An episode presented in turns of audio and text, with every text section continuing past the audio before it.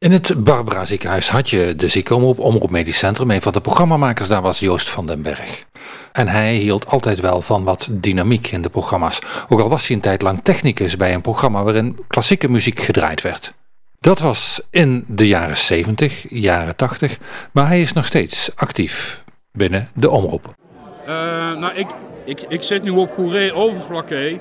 En daar heb ik een tijdje mensen geholpen bij de lokale omroep.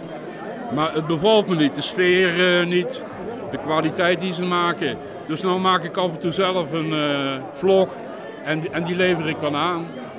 En dan heb ik eigen regie en uh, noem maar op. Willen ze hem niet uitzenden, ja, dan kijken ze maar op ons kanaal, weet je wel. Dat, je hebt nu meer mogelijkheden om je te laten horen en zien.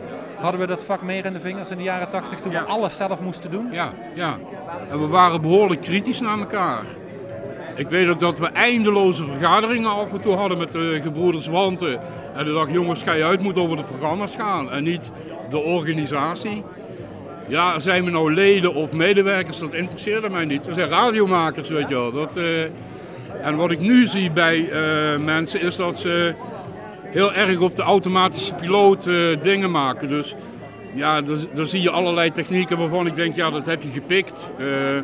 Maar eh, de inhoud interesseert ze niet meer. Terwijl bij ons de inhoud heel belangrijk was, dat weet ik wel nog. De, de, degene die luistert, die moet het leuk vinden. Of interessant, of geboeid uh, raken. En dat, dat is minder. Heb ik het idee. En, eh, en het leuke is dat bijvoorbeeld Radio Rijnmond...